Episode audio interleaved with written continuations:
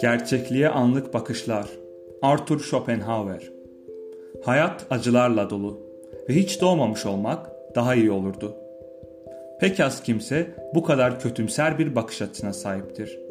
Ama Arthur Schopenhauer 1788-1860 böyle biriydi. Ona göre hepimiz bir kısır döngünün içinde sürekli bir şeyler istiyor, onları elde ediyor, daha sonra başka şeyler istemeye başlıyorduk. Bu durum ölünceye kadar son bulmazdı. İstediğimiz şeyi elde etmiş göründüğümüzde bu sefer de başka bir şeyi istemeye başlıyorduk. Milyoner olsaydın, milyoner olsaydınız mutlu olacağınızı düşünebilirsiniz. Ama bu mutluluk çok da uzun sürmez. Sahip olmadığınız başka bir şey istersiniz. İnsanoğlu böyledir. Asla tatmin olmayız. Sahip olduklarımızdan daha fazlasını arzulamayı hiç bırakmayız. Tüm bunlar oldukça iç karartıcıdır. Her şeye rağmen Schopenhauer'ın felsefesi bunun akla getirdiği kadar karanlık değildir. Gerçekliğin hakiki doğasını anlayabilseydik çok farklı davranacağımızı, insan olmanın bazı tatsız yanlarından kurtulabileceğimizi düşünür. Onun mesajı Buda'nınkinden Buda'nınkine çok yakındı. Buda tüm hayatın acılarla dolu olduğunu ama daha derin bir düzeyde ben diye bir şeyin olmadığını düşünüyordu. Eğer bunu anlarsak aydınlanma yaşayabiliriz. Benzerlik tesadüf değildi. Çoğu batı filozofunun aksine Schopenhauer doğu felsefesini derinlemesine okumuştu. Hatta masasının üzerinde onu en çok etkileyen filozoflardan biri olan Immanuel Kant'ın heykelciğinin yanında bir de Buda heykelciği vardı. Buda ve Kant'tan farklı olarak Schopenhauer kasvetli, zor ve kibirli bir adamdı. Berlin'de bir hoca olarak iş imkanı bulduğunda dehasından o kadar emindi ki vereceği dersleri Hegel'inkiyle tam olarak aynı saatte olması için ısrar etmişti.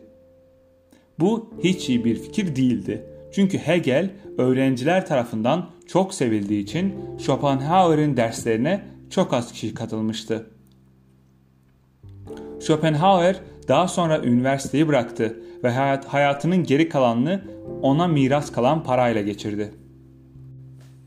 En önemli kitabı İrade ve Tasarım olarak Dünya. İlk olarak 1818 yılında yayımlandı. Fakat eser üzerinde yıllarca çalışmaya devam ederek 1844 yılında çok daha uzun bir versiyonunu ortaya koydu. Eserinin merkezindeki temel fikir oldukça yalındır. Gerçekliğin iki yüzü vardır. Gerçeklik hem irade hem de tasarım olarak var olur. İrade var olan her şeyde mutlak surette bulunan kör bir itici güçtür. Bitkileri ve hayvanları büyüten enerjidir. Aynı zamanda mıknatısların kuzeyi göstermesini ya da kimyasal bileşenlerde kristallerin oluşmasını sağlayan kuvvettir. Doğanın her bir parçasında mevcuttur. Diğer yüz yani tasarım olarak dünya bizim deneye, deneyimlediğimiz haliyle dünyadır. Tasarım olarak dünya zihinlerimizde kurduğumuz bir gerçeklik inşasıdır. Kant'ın fenomenal dünya dediği şeydir bu. Etrafınıza bir bakın. Muhtemelen pencereden ağaçları, insanları ya da arabaları görüyorsunuz veya önünüzdeki bu kitabı. Belki de kuşları, trafiği ya da başka bir odadaki gürültüleri işitebilirsiniz. Duyularınız aracılığıyla deneyimlediğiniz tasarım olarak dünyadır. Her şeye bu yolla anlam verirsiniz ve bu sizin bilincinizi gerektirir. Zihniniz deneyiminizi tüm bunlara bir anlam verecek şekilde düzenler. Tasarım olarak dünya içinde yaşadığımız dünyadır. Bununla birlikte Kant gibi Schopenhauer de deneyimimizin ötesinde, görünüşler dünyasının ötesinde daha derin bir gerçekliğin var olduğuna inanıyordu. Kant bunu nominal dünya olarak adlandırıyordu ve bu dünyaya doğrudan hiçbir erişimimiz olmadığını düşünüyordu. Schopenhauer açısından irade olarak dünya biraz Kant'ın nominal dünyasına benziyordu. Fakat yine de önemli farklılıklar vardı. Kant neo, nomenon kelimesini çoğulu olan nomena hakkında yazdı. Gerçekliğin birden fazla parçası olabileceğini düşünüyordu. Kant'ın bunu nasıl bildiği ise açık değildir. Özellikle nomenal dünyanın erişim dışı olduğunu söylediği düşünülürse. Schopenhauer ise tersine nominal gerçekliğin bölünmüş olduğunu varsayamayacağımızı düşünüyordu. Çünkü böyle bir bölünme için uzay ve zaman gerekliydi ki Kant'a göre uzay ve zaman gerçeklikte var olmaktan ziyade bireysel zihnin katkısıyla var oluyordu. Bunun yerine Schopenhauer irade olarak dünyayı olan her şeyin arkasındaki tek, birleşmiş, yönsüz bir kuvvet olarak tanımladı. İrade olarak bu dünyayı biz kendi eylemlerimiz ve sanatın aracılığıyla bir an için görebiliriz. Bu kitabı okumayı bırakın ve ellerinizi başınıza koyun. Ne oldu? Sizi izleyen biri ellerinizin yukarı doğru kalktığını ve başınızın üzerinde durduğunu görecektir sadece.'' Eğer aynaya bakarsanız bunu siz de görebilirsiniz. Bu fenomenal dünyanın yani tasarım olarak dünyanın bir betimlemesidir. Gerçi Schopenhauer'e göre bedenimizi hareket ettirme deneyimimizin içsel bir yanı vardır. Bu genel anlamda fenomenal dünya deneyimimizden daha farklı bir biçimde hissedebileceğimiz bir şeydir. İrade olarak dünyayı doğrudan deneyimleriz deneyimlemeyiz. Ancak istemli eylemlerde bulunduğumuzda bedensel eylemlerde bulunmayı isteyip gerçekleştirdiğimizde ona çok yaklaşırız. Bu nedenle gerçekliği tarif etmek için irade sözcüğünü seçmiştir. Fakat sadece insan söz konusu olduğunda bu enerjinin bir şeyi istemli olarak yapmakla bağlantısı vardır.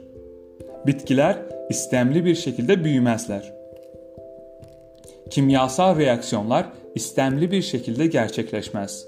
Dolayısıyla irade sözcüğünün burada alışıldık anlamından farklı bir şekilde kullanıldığım kullanıldığını fark etmek önemlidir.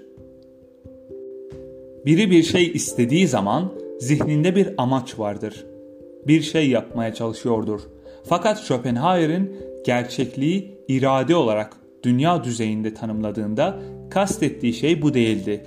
İrade büyük harfle i amaçsızdır ya da zaman zaman söylediği gibi kördür. Belirli bir sonuç elde etmeye yönelik değildir. Bir amacı ya da hedefi yoktur. Bir şeyleri bilinçli isteme edim, edimlerimizde olduğu kadar her doğal fenomende de mevcut olan büyük enerji dalgalanmasıdır sadece. Schopenhauer'e göre ona yön verecek bir tanrı yoktur ne de iradenin kendisi Tanrı'dır. Tüm gerçeklik gibi insan da bu anlamsız kuvvetin parçasıdır. Yine de hayatı katlanabilir kılan bazı deneyimler vardır. Bunlar çoğunlukla sanattan gelir. Sanat kısa bir süreliğine de olsa sonsuz çabalama ve arzu döngüsünden kaçınabileceğimiz sakin bir durak sağlar. Bunu en iyi yapan sanat dalı müziktir. Schopenhauer'e göre bunun böyle olması müziğin bizzat iradenin bir kopyası olmasından kaynaklanır. Schopenhauer'e göre bu müziğin bizleri böylesine derinden etkileme gücünü açıklar. Bir Beethoven senfonisini doğru ruh halindeyken dinlediğinizde yalnızca duygusal açıdan uyarılmazsınız. Gerçekliği olduğu haliyle bir an için görürsünüz. Başka hiçbir filozof güzel sanatlara bu kadar merkezi bir yer vermemiştir. Bu nedenle Schopenhauer'in çeşitli alanlardan yaratıcı insanlar tarafından sevilmesi şaşırtıcı değildir.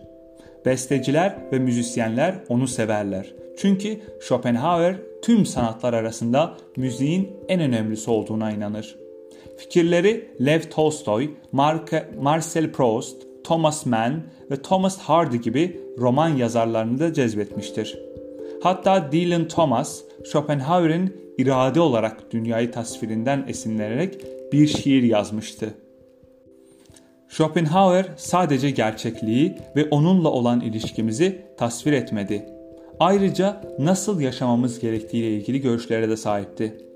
Hepimizin tek bir enerjinin parçası olduğumuzu ve bireylerin sadece tasarım olarak dünya seviyesinde yaşadığını fark ettiğinizde bunun yaptığınız şeyleri değiştirmesi gerekir. Schopenhauer'e göre diğer insanlara zarar vermek aslında bir bakıma kendine zarar vermek anlamına gelir. Tüm ahlakın temelidir bu. Eğer seni öldürürsem hepimizi birleştiren yaşam gücünün bir parçasını yok etmiş olurum. Kişi baş, bir başkasına zarar verdiğinde bu bir yılanın dişlerini kendi etinin içine geçire, geçirdiğini bilmeden kendi kuyruğunu ısırmasına benzer. Dolayısıyla Schopenhauer'ın öğrettiği temel ahlak merhamet ahlakıdır. Tam olarak anlaşıldığında başka insanların benim dışımda olmadığını söyler bu. Size ne oldu beni ilgilendirir. Çünkü bir bakıma siz de hepimizin parçası olduğu irade olarak dünyanın bir parçasısınız. Bu Schopenhauer'in bilindik ahlaki konumudur. Gerçi kendisinin diğer insanlara karşı bizlere telkin ettiği gibi bir duyarlılığa sahip olup olmadığı şüphelidir. Bir keresinde kapısının önünde gevezelik yapan yaşlı bir kadın onu o kadar sinirlendirmişti ki kadını merdivenlerden aşağı itmişti.